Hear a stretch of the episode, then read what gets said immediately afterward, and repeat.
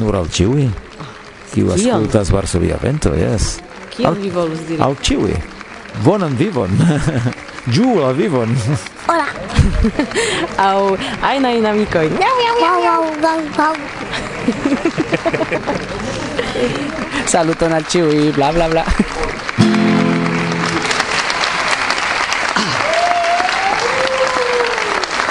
Dankon!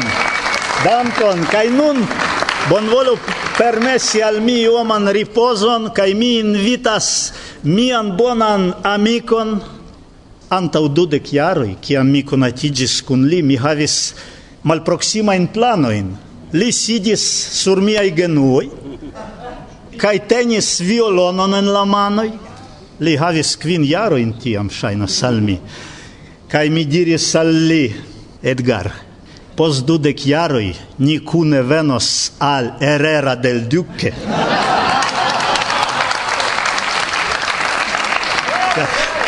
kai vi, kai vi devas ludi tie en cadre de mia concerto. Li diris al mi, onclo micio, mi provos, sed tiu tempe mi jam ne povos sidi sur viei genuoi.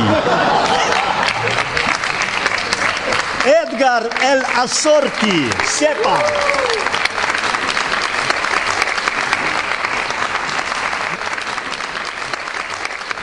Extremaduro, Suno Kai Esperanto. Nome de la Hispana Esperanto Federacio mi bonvenigas vin al la dua parto de raporto pri la sepdecina Hispana Esperanto Kongreso. Toño del Barrio, presidente de Hispana Esperanto Federacio.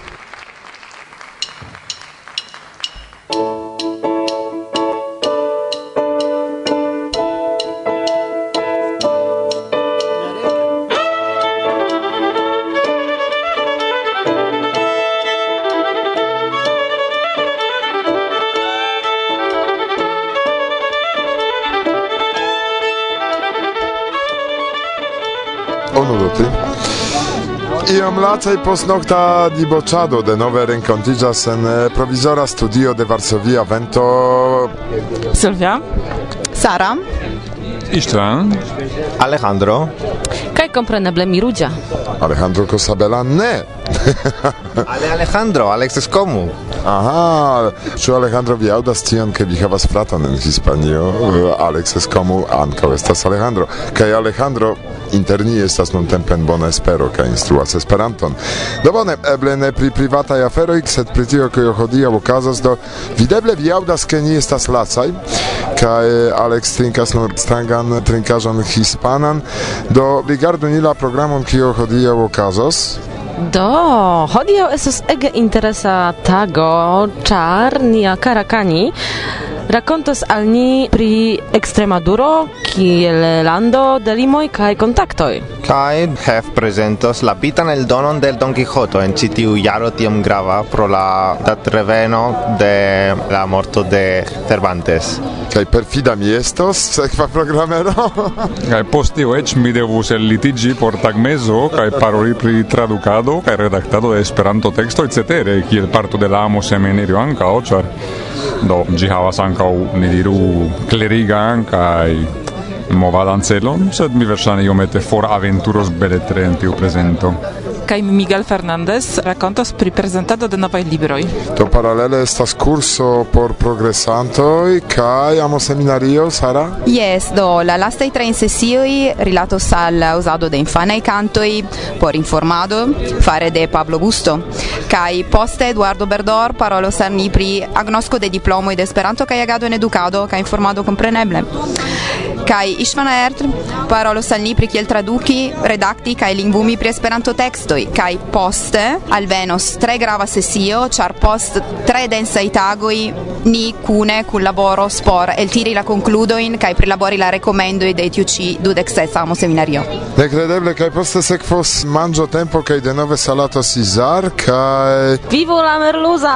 Ĝuste, do ni salutas kuirejon de la Kaj apartaj Zor, a Estas unu el la kelnero jam ricevis pseŭdonomon li estas Zorro, eh, do ne gravas pro kiuj cirkonstancoj. Kaj post manĝo tempo denove ekscitiĝa? Ekscitiĝa tomatosupo aŭ kio? Ne, vi parolas pri la programeron, ĉu? Do Mihailo Bronstein prelegos pri acceptu mondo min amike non scias kio estas ĉu vi povas klarigi ah li koncertos mm -hmm. Laŭ kio mi sias, li certe captos sian gitaron kiel ciam, kai presentos canto in al ni de la sardeca ero gis nun, mi supposas. Do bonvenon al tiu musico.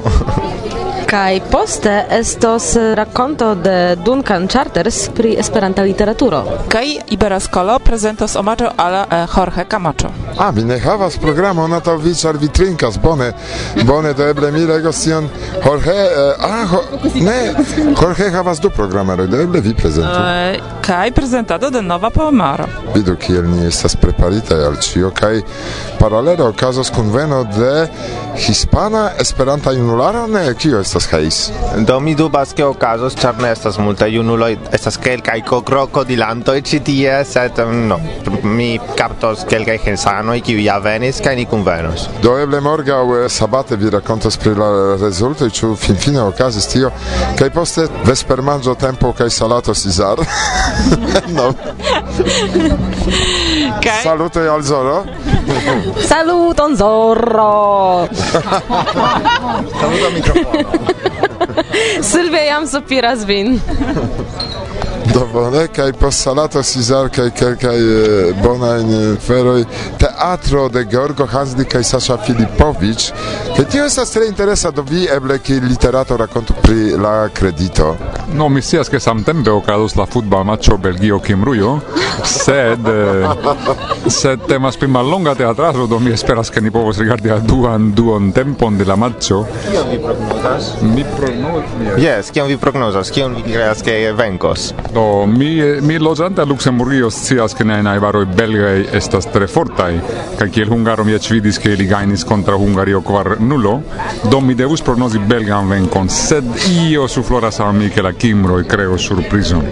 Ĉu vi interesiĝas pri futbalo, Sara? Ne tiom, sed uh, liga la brita referendumo fakte mi tre ŝatus ke Kimrio forlasus la pokalon, ĉar vere li de plejparte voĉdonis por forlasi Europan Union kaj do li vere meritas ankaŭ esti forpelitaj de la pokalo. do iom da politiko eniris en la programo de la sepdek fina Esperanto Kongreso, sed tamen eh, poste estos koncerto de Jomart kaj Natasha. Ĉu konas ilin? Revenu al eh, raporto pri Zabruken kaj vidu ekskluzivan koncerton de Jomart kaj Natasha. Kaj mi antaŭvidas ke estos pli da kantoj ol tiuj kvin, kiun ili prezentis al vi, do bedaŭru ke vi ne venis al tiu ĉi kongreso. Ĉar mi diris ke sepdek kvina Esperanta Hispana Esperanta Kongreso ne ripetiĝos kaj ne ripeteblas. Aha, duobone. Do nome de la Esperanta provizora redakcio de Varsovia Vento kiu pro trinkas do kongreso esperantista kompreneble en bruo esperantista ni vidas vin aŭskulti kion al vi ni preparis. Bla bla bla.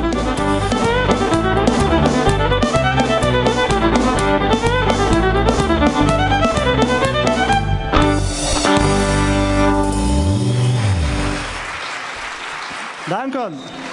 La sepdek kvina Esperanto kongreso en bela loko kaj antaŭ mia mikrofono tre ĉarma reprezentantino de urbodomo pri kulturo de tiu ĉi loko kaj mirakle karaj ni pensis ke Real del Duque estas jutruo de la mondo ie en Estremaduro tute perdita sed evidentiĝis ke ne ke dum eh, solena malfermo ni malkovris subite ke tiu truo en la mondo tiu vilaĝo havas pli riĉan kulturon ol ne unu urbo en tuta Eŭropo. Do eksciu ni iomete kio okazas ke tiu malgranda urbeto vilaĝo kvazaŭ havas tiel riĉan kulturan provizon. Ah, hola, muy buenas tardes. Soy Ángeles Toledo, soy la concejala de Cultura del Ayuntamiento de Herrera del Duque. Encantada de estar esta tarde aquí con vosotros.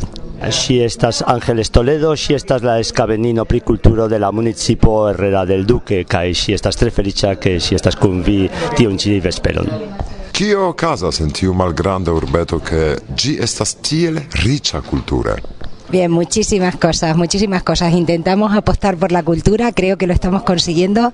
Tenemos una agenda cultural amplísima, abarcamos Eh, todos si los dirás que campos, la, es lo silo de tiu ci agado estas en, eh, de la municipo y tre favoras la musicon, la teatron, la literaturon y li organizas multe in activado in relate al culturo kai faste ni havis spacin menon de tiu culturo en de la congreso chefe musicon eh, oni vidis la muzikbandon, la lernejon pri muziko kiun ili flegas en la municipo, danke ne nur al la urbodomo kaj la, la urbestaro, sed ankaŭ al la ĉiuj loĝantoj de Herrera kiu kunlaboras en tiu proceduro. Kaj fakte ili estas tre kontentaj ke ni venis tie ĉi, ke ili gastigin nian kongreson kaj ke ili povis montri al ni kion ili faras. 75 Congreso de Esperanto. Vi multe kontribuis organizadon de Esperanto Congreso ĉi tie. Kiale? ¿Por qué? Porque nos ha parecido una oferta, una apuesta muy interesante. La verdad es que Javier eh, ha sido imposible. No, ili ne povis rifusi kaj por ili estis tre interesa propono kiam Javier, la ĉefa organizanto, la loka organizanto proponis tion al ili, li exis persvadi ilin por tiu, porque eh, la kongreso venu tie ĉi kaj ili tre volonte tion faris, ĉar ili estas malfermaj kaj ili deziras ke la mondo venu al ni kaj ili pensas ke Esperanto estas bona ilo tre mirinda eh, ideo en kiu homoj povu komunikiĝi kaj ili decidas que ni successo en tiu nia celo. E si mem ne parolas esperanton kaj promesis al Javier que si lernos la lingvon kaj en tiu senso si decidas que ni successo plene en tiu nia celo faciligi la komunikadon de la mondo. aprenderlo. Mi povas nur danki al vi kaj al ĉiuj reprezentantoj de la urbo pro la koro vi malfermis antaŭ la esperantistoj kaj pro la kultura subteno de tiu ĉi kongreso. Las gracias os las tenemos que dar nosotros a vosotros por habernos elegido a este municipio tan pequeñito. Solamente esperamos haber estado a la altura y solo deciros que volváis pronto, que tenéis aquí vuestra casa, que las puertas las tenéis abiertas para cualquier cosa que necesitéis y que aquí está vuestra casa. Nada más. Danko. si dankas ke ni acceptis ilin kaj si esperas ke ni revenos baldaŭ ke ni ili havas la pordon malfermitaj kaj si finis per kompreneble dankon konan dankon pro intervjuo muchas gracias Muchas gracias a vosotros. Gracias.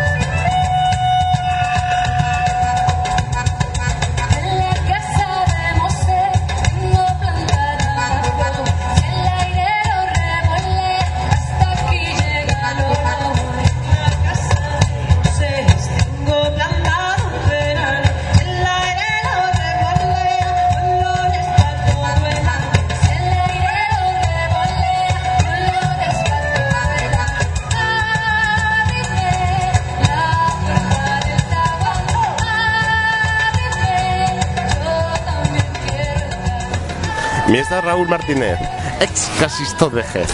Wow, kiun gravan personon mi havas ĉi tie. Ĉu vi povas diri kio plej plaĉis al vi dum tiu ĉi kongreso? Mi ege ĝuis ĝin kaj estas tre malfacila demando. Uf, eh, estes tiom da programeroi ege eh, interesai, giuindai kai amusai che mi pensas che ma facile di la hieragua concerto. La omaggio al nia poetoi la bueno ciu la concerto che ne juis kai eh, la banado en la lago buah estis eh, tre ege interesa congreso kai mi ne havas vorton por Javier. Ni mercias kiel gratuli lin kaj kiel uh, montri nian nian dankemon por tio mirinda kongreso kiun li efektivigis. Mi pensas ke brakumo estas unu el plej bonaj manieroj mi jam faris. Mi ĵus faris, mi ĵus faris tion. Mi pensas ke mi ne brakumis homon tiom eh, tiom forte ol hieraŭ al Javier. Bedaŭrinde por li. Ĉu mi povas peti vin pri io, ĉar vi restas ĉi tie kiam mi foriros de Hispanio al Pollando. Ĉiam kiam vi vidos Javier brakumo cumulinderni. En orde. Ĉu mi, mi promesas tion? Mi plenumus tiun promeson, ne zorgu. Bonege. Mi tion registris, do ni poste tion vidos kaj kontrolos, ĉu vi fakte faris tion, kaj ĉar mi demandas Javieron. Klopodu konvinki lin organize ukon ĉi tie. Mi pensas ke li kapablas tion fari. Mi pensas ke loĝantaro kaj eh, homoj kiuj laboras en restoracioj poste eh, sin mortigos post la uko. Mal malamos esperantistojn. povas esti, povas esti. Ĉar ni invadis la urbeton. Do, estis antaŭ gusto de Ugo, ĉu ne? Ĉu vi volus saluti iun eble ankoraŭ? Bone, compreneble mi volas saluti in la eh, auscultanton de, de Via Radio en Pollando kai internaciai. Kai bone, eh, profiti la occasion por eh, convinki ilin en Junia in congreson char eh, mi pensas che la nivelo kiun Javier eh, atingis ni ŝatus ripeti ĝin. Fakte ni nomumis Javier komisionisto pri kongresoj ekde nun. Wow. Do venu al Hispanio, venu al mia kongreso kaj ni mi pensas ke vi ne, tute ne pentos.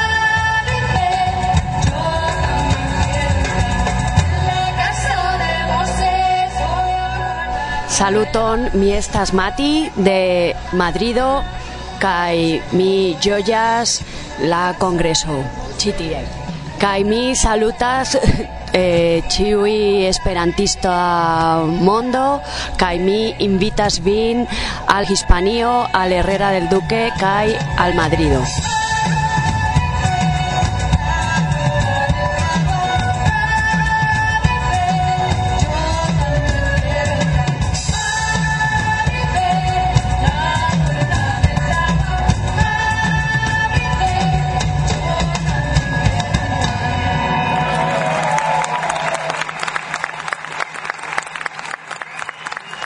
La sepdek kvina Hispana Esperanto Kongreso kaj antaŭ mikrofono de Varsovia Vento Saluton, bonan vesperon, aŭ mi ne scias ĉu jam preskaŭ nokton.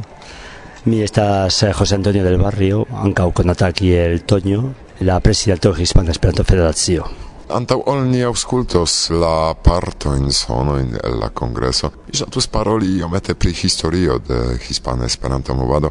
Ĉu memoras vi kiam la unuan fojon Esperanto aperis en Hispanio? Yes, fakte ekzistas atestoj pri tio. Tre baldaŭ eble unu aŭ du jarojn post la unua libro kiu fakte ne estis publikigita en la hispana. Eh, la novaĵoj pri tiu nova lingvo alvenis al Hispanio kelkaj homoj normale el kleraj pozicioj pere de la franca exis pri tio, fatestis bonaj rondoj de volapukistoj kiuj iom post iom konvinkiĝis ke Esperanto estas pli bona solvo, kai fakte tre rapide oni kreis la unua in. Oni diras ke tiu de Malago, kiu plu ekzistas kun grandaj interrompoi, estis la sepa clubo en la mondo eh, formita formale.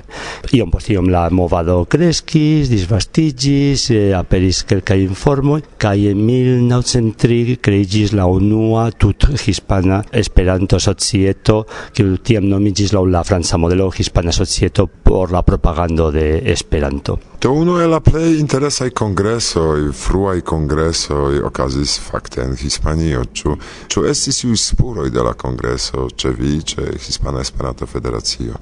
Vi celas la kvinan Esperanto Universalan Kongreson. Tio okazis en Barcelono. Kaj bone fakte en tiu momento la movado eh, komencis disvolviĝi, ekzistis diversaj grupoj.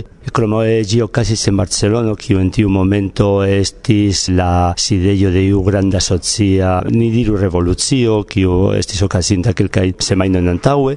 Ĝi estis instiga, ĉar fakte Zamenhof venis al Barcelono, iris ankaŭ al Valencio, kiu okazis post kongreso. De tie venas la ununura registrado de la voĉo de Zamenhof, kiu oni ankoraŭ konservas, kaj do ĝi estis jes vere instigo, se ne por la organizado mem de la asocio, kiu tiu momento ankoraŭ estis malforta, ja por la tuta esperantistaro, kelkaj atestoj partoj de veteranoi memorigas pri tiu entusiasmo kiun kreis la ĉesto de la majstro kaj liaj partoprenoj kaj tiel plu. Bone, pri historio efektive ne povas esti mm, multe, eĉ mia propra persona retejo, ĉar fakte dum kelkaj jaroj mi dediĉis min specife al la esplorado pri la historio, ĉar pri historio estis iu mm, problemo de rompo de la tradicio okaze de la hispana interna milito, kiu ia maniere modifis la tutan karakteron de la Esperanto movadon. Kio okazas nun? Eh, ĉu estas multaj rondoj esperantistaj en Hispanio? eh, oni povas diri che la Hispana Esperanto Federacio kai generale la Hispana Movado trovillas en, en esperiga momento. Esperanto estis tre apresata en diversaj momentoj de la historio de Hispanio ki kiel bona socia fenomeno trakuris multajn suprojn kaj malsuprojn kaj laŭ la propra disvolvo de la historio tio modifis compreneble la consiston de la Esperanto Movado. pos la eh, morto de la dictatoro, almeno de la Kroatio ni kreis grandan esperon, eh, la movado viglis multe, poste venis momento eble de io malfortezzo se nun tio malfortezzo estas haltigita, la asocio mem estas firma, oni jus renovigis la estraron con continuezzo, kaj samtempe kun renovigo, la nombro de esperantistoj aktivaj kaj eh, konataj estas sufiĉe granda. Kompreneble ni suferas la samajn defiojn kiel multaj aliaj movadoj, ekzemple la lokaj kluboj troviĝas en malforta situacio, eh, la novaj kai junuloj ne facile aliĝas al la socio, sed tamen bone ili agas, kreas kaj ili estas viglaj kaj eĉ konataj eksterlande kaj ni tre ĝojas pri tio. Estas la sepdek kvina Esperanto-kongreso, kiun mi mm, akceptas tre sukcesa. Kiam okazis la unua hispana Esperanto-kongreso? En la dudeka jaro da pasinta jarcento komencis okazi kunvenoj tiam oni ankoraŭ ne nomiĝis kongresoj, kvankam ni tamen konsideras ilin en la vico de la nunaj kongresoj, kiam ni alvenas al tiu ronda numero kiun ni nun atingis. Tio okazis en la dudeka jaroj la unuaj esploroj por kunordigi la lokajn klubojn, la aktivulojn kaj tiel plu. Ĝi en tiu momento ne estis tute ĉiamjaraj kaj travivis iom da varieco kaj do ni havis en tiu momento kongresoj en diversaj landoj se ne ĉiam bone organizitaj. Poste por la milito estis kelkaj jaroj en kiu oni ne celebris kongresojn fakte la unua kongreso kiu oni organizis post la hispana milito ricevis la permeson de la registaro ĝuste la saman tagon en kiu ĝi devus komenci kaj ni memoru ke temis en pri momento de forta diktaktoreco kio multe suferi legislatiamajn activulon. Post tiom Hispana Esperanto-Federacio fondita preskaŭ eh, malmulte antaŭe eh, regule agadas kai regule creas la Congreso eh, de kvindekaj Jaron, Ciun jaron. Do tiu qui ne venis al ci congresso povas nur bedauri auscultante la raporton qui okazis ci tie kai imagi ke ni fakte travivis iun feston se temas pri kulturo esperantista ne nur pri amicumado corridora au ce bierumeio i lokai qui ankaŭ estis ĉarmaj surstrate kaj varmego permesis al ni fakte ripozi ĉi tie dum noktoj kun biero. Ĉu oni scias kio okazos la sepdeksesa kongreso de Esperanto kaj kiam oni povas atendi informojn en la reto? Oni ne decidas ankoraŭ. Normale ni decidas tion eh, ĝuste en la kongreso ni pli malpli alvenas al konkludo kio okazos. Se ĉifoje ni preferas atendi pro diversaj okazintaĵoj eh, ligitaj al la Universala Kongreso. Ne? Mm, estas iuj aferoj ni diru organizaj pri kiuj ni preferas atendi estas iu bona candidato se ne, ancora non estas decidita nepre en septembro la estrado de Hispana Esperanto Federacio decidos que comenzos labori por la nova congreso que espereble estu tiel successa que el tio chiqui mi parolas alla auscultanto de Varsovia vento Oh, esto sech pli successa. Do salutu al tiu qui auscultas non tempe casi voy a hablar en español. Eh, para eso eh, um, yo procedo de la del norte de Castilla, lugar donde nació el español. Así que aprovecho para saludar a todos los hispanohablantes y decirles que también aquí en, en España tienen la posibilidad de venir a disfrutar de nuestra cara limbo kaj kompreneble ankaŭ por ĉiuj aŭskultantoj kiuj ne komprenas la hispanon mi mem kiu estas um, um, malnova kastiliano ŝatas paroli ankaŭ en la hispana lingvo kaj sed kompreneble multe pli en Esperanto kaj do mi kiel ankaŭ fidela aŭskultanto de Varsovia vento deziras saluti ĉiujn kun aŭskultantojn bla bla bla. Koran dankon. Vi audas, ke nove komenciĝis programero, kaj estas jam nokto. Ni sidas koridore uzante tiun koridoran etoson. Ĉirkaŭ ni estas homoj kiuj trinkas, aliaj aŭdas nuntempe programon vesperan, kiu daŭros, daŭros, daŭros, daŭros kaj mi ne scias ĉu hodiaŭ finiĝos. Dankon al vi ire, kaj ĝis baldaŭ. Mi supozas ke nestos la lasta okazo kiam Varsovia vento venos al Hispanio. Mi kore memoras antaŭ du jaroj en Arundo kiam vi sendis tiel bonajn korespondantinojn, kiu ankaŭ faris belegajn rapporto in prinia congreso Ankaŭ Arundo estis vere successa kaj mi tre ĝojas, ke vi persone mem, kaj ankaŭ Agnieszka kaj Silvia, qui estes ankaŭ surprizoj por ni ĉiuj en la congreso mi tre ĝojas, ke vi tri havis la chanson veni al la congreso kaj mi, kiel dirite, esperas, ke tio nestos estos la lasta folio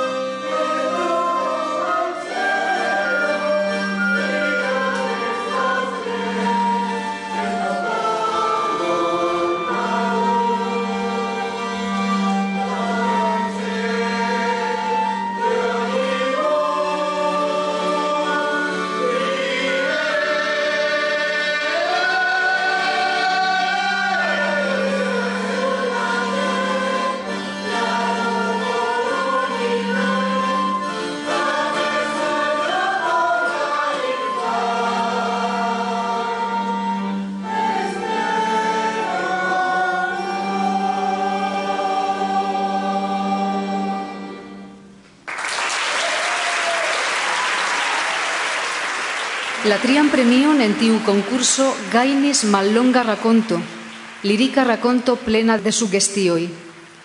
Giai concisezzo cae poesiezzo vere captas onin. Gi titolillas extere interne. Sia autorino estas iunulino nomata Paloma Garzarán. Cae gin declamos Xavi Alcalde. Mi captas cio cason por publique danki nian amicon Chavi, pro tio che antau du jaroi, ce tecnicae malfacilajoi, kiwi endangerigis la presenton de la tria ocasigo de vivu la teatro. Li tranquille, pacienze, cae sindone, solvis plei lerte la problemon, cae nia spectaclo povis havi locon. Chavi, ancorau andancon cae ec al extere interne.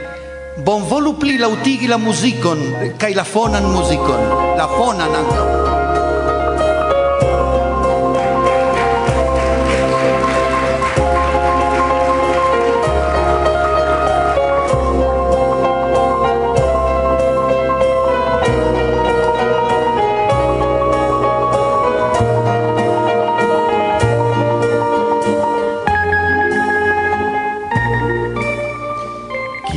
iare line forestis ce la festo en la quartalo Oleandro. Ci iare, tamen, li travivis gin ali maniere, interne. Sonis tiu musico, kiu moligis al di la coro. Li sidigis sian animon sur la tabureton de trinquello. Pluvis, extere, interne. Li Adiaŭis etapon de sia vivo. Dum li trinkis etajn sorbojn da blanca vino. Frisca ekstere, varma interne. Li decidis antaueniri, retirigi de oficoj, preteri amatain ĉevaletojn, gioio ekstere, vertigio interne. Li atendadis ŝin, ĝojlumo antauis al la virino, quiu eniris tra la pordo. Sia rideto ŝanĝadis ies vivon. Li amis ŝin extere. en la vespero de sia vivo, interne. Li el trinkis sian glason, adiauis tiel alia in bracumoin, alia in lumoin, alia in kisojn. Conciicis prie, kisis ŝin ekstere, interne.